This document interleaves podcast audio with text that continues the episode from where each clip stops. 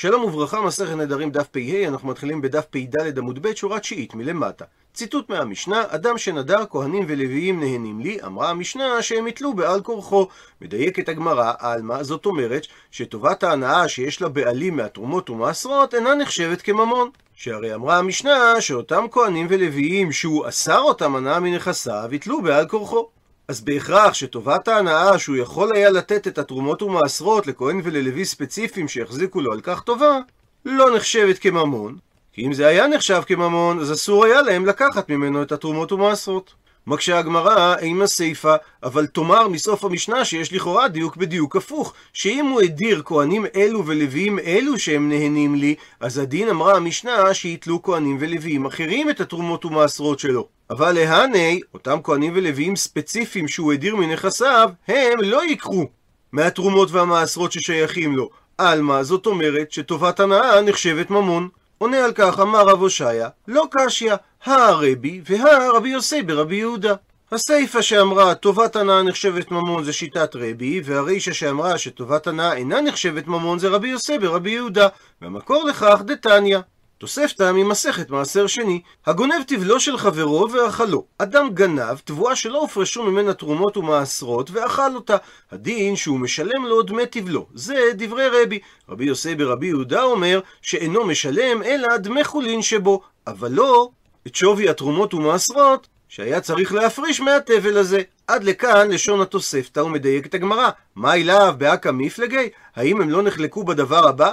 הפכנו דף, דרבי סבר שטובת הנאה ממון, ולכן בנוסף לתשלום דמי החולין שהוא אכל, הוא צריך לשלם גם את דמי התרומות ומעשרות לפי השווי הכספי של טובת ההנאה שיש לו בהן. ורבי יוסי ברבי יהודה סבר שטובת הנאה אינה ממון, ולכן הוא ישלם רק את דמי החולין שהיו בתבל, אבל לא את דמי התרומות ומעשרות, מפני שהוא סובר שטובת הנאה אינה נחשבת כממון. דוחה הגמרא את תשובתו של רב הושעיה, מפני שלא בהכרח להסביר כך את מחלוקתם של רבי ורבי יוסי ורבי יהודה בתוספתא, מפני שניתן לומר דכולי עלמא, ששניהם סוברים שטובת הנאה אינה נחשבת ממון. אלא אחא, וכאן בתוספתא, במתנות שלא הורמו כמפלגי. הם נחלקו מה דינם של מתנות שלא הורמו מהתבואה.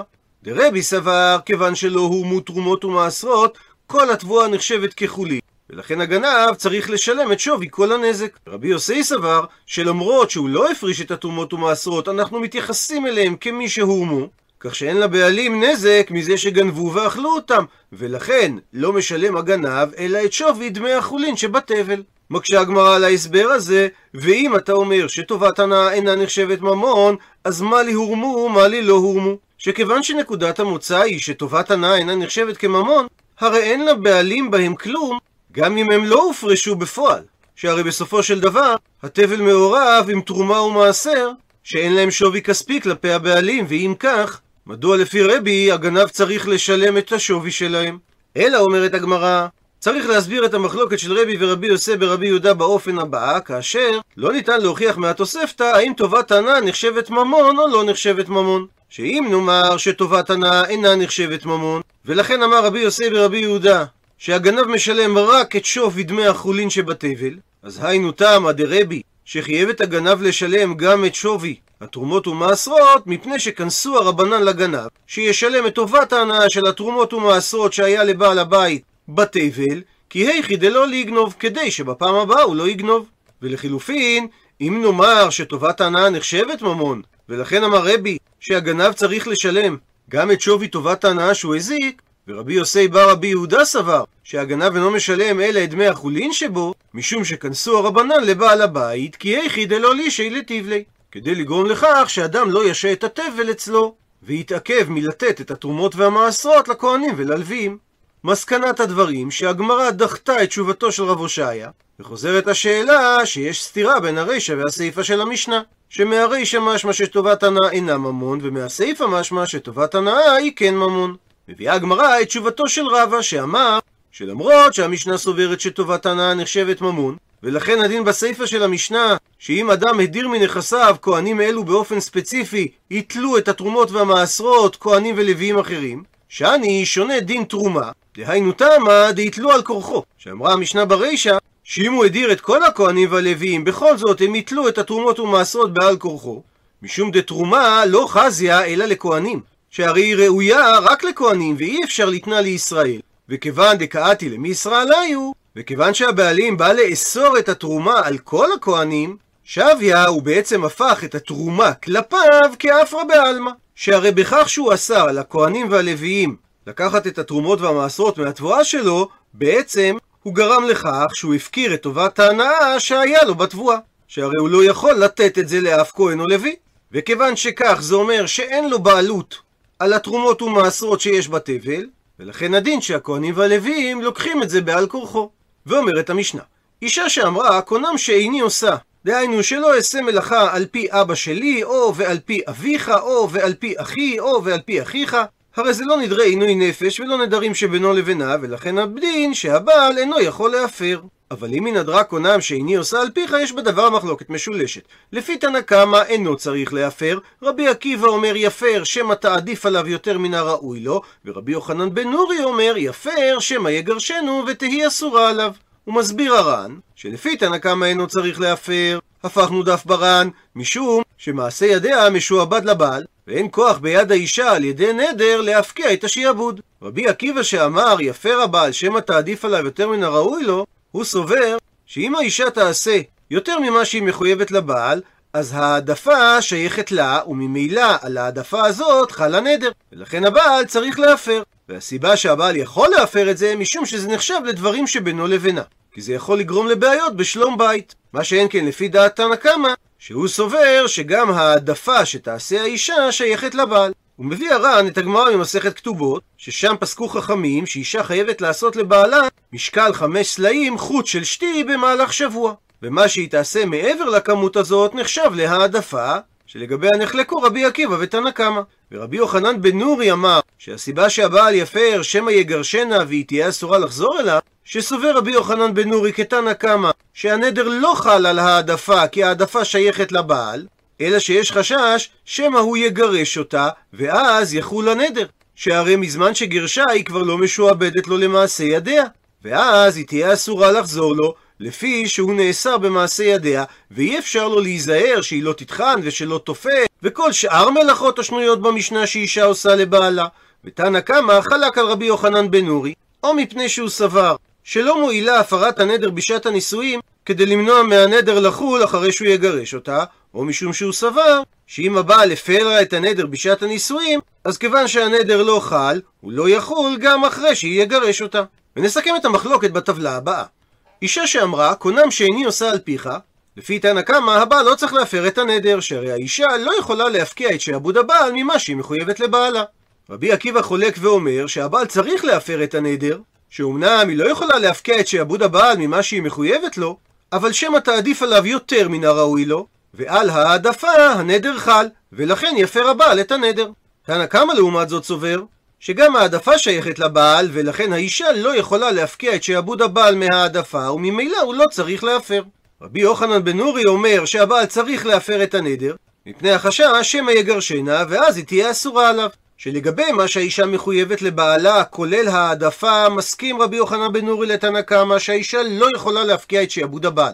אבל לאחר שיגרשנה הנדר חל, ואז הבעל לא יוכל להחזיר את גרושתו, ולכן אומר רבי יוחנן בן נורי שיפר הבעל את הנדר. בנקודה הזאת חולק תנא קמא על רבי יוחנן בן נורי, או מפני שהוא סובר שאין טעם בהפרת נדר בשעת הנישואים למנוע מהנדר לחול לאחר שהתגרשו, או מפני שהוא סובר שכיוון שלא חל הנדר בנישואים, אז הנדר בעצם מתבטל והוא לא יחול גם לאחר גירושין. ואומרת הגמרא, אמר שמואל שהלכה כרבי יוחנן בן נורי, שמפני החשש העתידי שמא יגרשנה הבעל ותהיה אסורה עליו, הוא צריך להפר את הנדר. מקשה הגמרא למימרא, זאת אומרת, דקסבר שמואל, שאדם מקדיש דבר שלא בא לעולם? הוא מסביר הר"ן בעמוד הבא, שאם שמואל לא היה סובר שאדם מקדיש דבר שלא בא לעולם, אז כיוון שעכשיו כאשר הם נשואים הנדר לא יכול לחול, אז בהכרח שהוא לא יכול לחול באופן עתידי. ורמיני מקשה הגמרא על דברי שמואל מדברי שמואל על המשנה במסכת כתובות. שאדם המקדיש מעשה ידי אשתו, הפכנו דף הדין שהרי זו עושה ואוכלת. והגמרא במסכת כתובות מביאה על כך שני הסברים אפשריים. או שמדובר שהבעל מעלה למזונות, ולמרות זאת הרשות ביד האישה לבטל את הקדשו והרי זו עושה ואוכלת, בהתבסס על דברי רב הונא שאמר שיכולה אישה לומר לבעלה איני ניזונת ואיני עושה. ולדעה החולקת על רב הונא, מעמידים את המשנה כאשר בעלה לא מעלה למזונות. ולכן היא מתפרנסת לבד ואוכלת ממעשה ידיה, וממילא ההקדש של הבעל לא חל. וממשיכה המשנה, והמותר, דהיינו, אם הבעל הקדיש את מותר מעשה ידיה, זאת אומרת, יתר על המשכורת שהיא מחויבת להכניס לבעל, שזה שיעור של חמש סלעים ביהודה, ויש בדבר מחלוקת תנאים. רבי מאיר אומר שהבעל יכול להקדיש את המותר, ולכן דין המותר הקדש, רבי יוחנן הסנדלר אומר שדין המותר חולין. הוא מסביר הר"ן ששמואל העמיד את דברי רבי מאיר שהבעל מעלה למזונות ואינו מעלה לה מעה כסף שתיקנו לחכמים תחת מותר מעשה ידיה. ורבי מאיר שאמר שהקדש הבעל חל על המותר, הוא לא התכוון שזה חל כאשר האישה בחיים, שהרי אז אין רשות לבעל במותר מעשה ידיה. אלא הוא התכוון על הקדש לאחר מיתה, שאחרי שהאישה מתה והבעל זכה במותר מעשה ידיה מדון ירושה, יחול ההקדש, כי רבי מאיר סובר שאדם יכול להקדיש דבר שלא בא לעולם. רבי יוחנן הסנדלר לעומת זאת אומר שאין אדם מקדיש דבר שלא בא לעולם, ולכן מותר מעשה ידי האישה, אינו הקדש אלא חולין. עד לכאן לשון המשנה, ואמר על כך שמואל שהלכה כרבי יוחנן הסנדלר. עלמא, זאת אומרת שלפי דברי שמואל, אין אדם מקדיש דבר שלא בא לעולם. וממשיכה הגמרא, וכי תימא, וגם אם היה עולה על דעתך לתרץ ולומר, שקיקה אמר שמואל שהלכה כרבי יוחנן בן נורי, זה לא לגבי העיקרון שאין אדם מקדיש דבר שלא בא לעולם, אלא רק לגבי על העדפה הוא דקה אמר, שהאישה אינה יכולה להפקיע את שעבוד הבעל, כי גם העדפה שייכת לו. אבל לא לעניין מה שאמר רבי יוחנן בן נורי, שהבעל צריך להפר את הנדר, כי הנדר יחול לאחר שהיא תתגרש ממנו. כך שאין סתירה למה ששמואל אמר שהלכה כרבי יוחנן הסנדלר, שאין אדם מקדיש דבר שלא בא לעולם. אבל לא ניתן לתרץ כך מאחת משלוש הסיבות הבאות. סיבה ראשונה, שאם כך, לימה, היה צריך שמואל לומר הלכה כרבי יוחנן בן נורי בהעדפה. ואז היינו יכולים להסביר ששמואל פוסק כרבי יוחנן בן נורי משום העדפה, שבזה חולק רבי יוחנן בן נורי על רבי עקיבא, ולא משום גירושין, שאז ההפרה היא משום שאדם מקדיש דבר שלא בא לעולם. סיבה שנייה לפי גרסת הר"ן היא נמי הלכה כתנא קמא, שאמר שהבעל אינו צריך להפר, מפני שאדם לא מקדיש דבר שלא בא לעולם, וממילא, אם לא חל הנדר בנישואים, ודאי שהוא לא יחול לאחר הגירושין.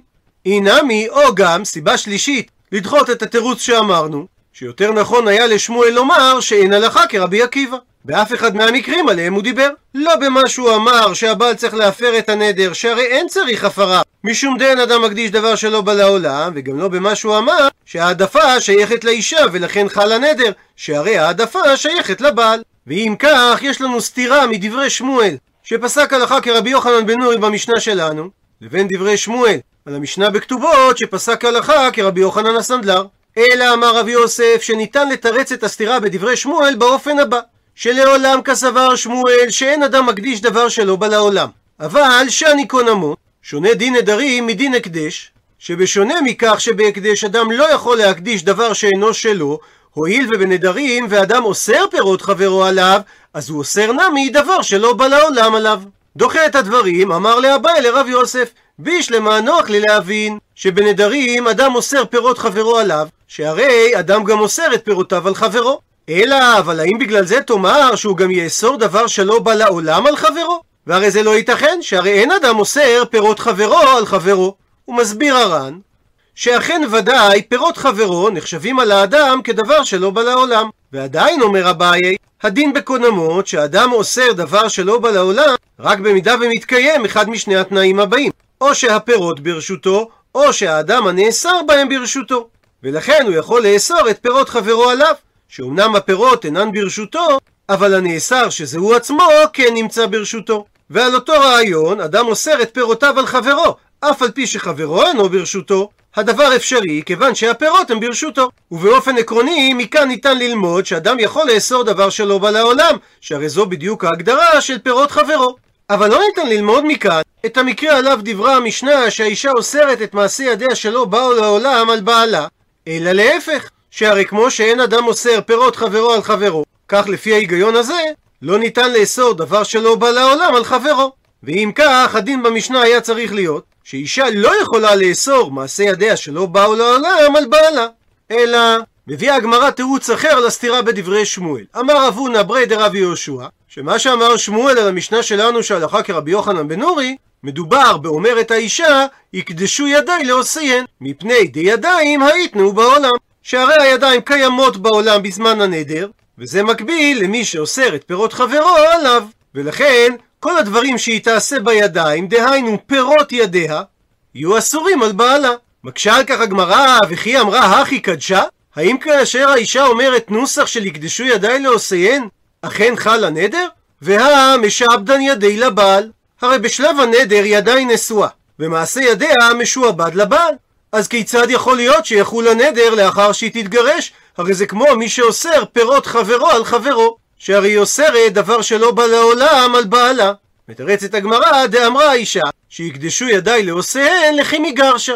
רק לאחר שהיא תתגרש, זאת אומרת שכל זמן שהיא ברשותו, היא לא אוסרת את מעשה ידיה, וכיוון שהיא פירשה ואמרה, וכיוון שהיא פירשה דבריה, שיחול הנדר שלה רק בזמן שראוי לו לחול, אז במידה והבעל לא יפר לה את הנדר עכשיו, כאשר הם יתגרשו, יחול הנדר והוא לא יוכל לשאת אותה חזרה לאישה. עד לכאן דף פ"ה. למעוניינים בהרחבה, הזכרנו את רבי יוחנן הסנדלר. תנא בן המאה השנייה שנולד באלכסנדריה במצרים ונפטר בסביבות שנת 150 לספירת הנוצרים.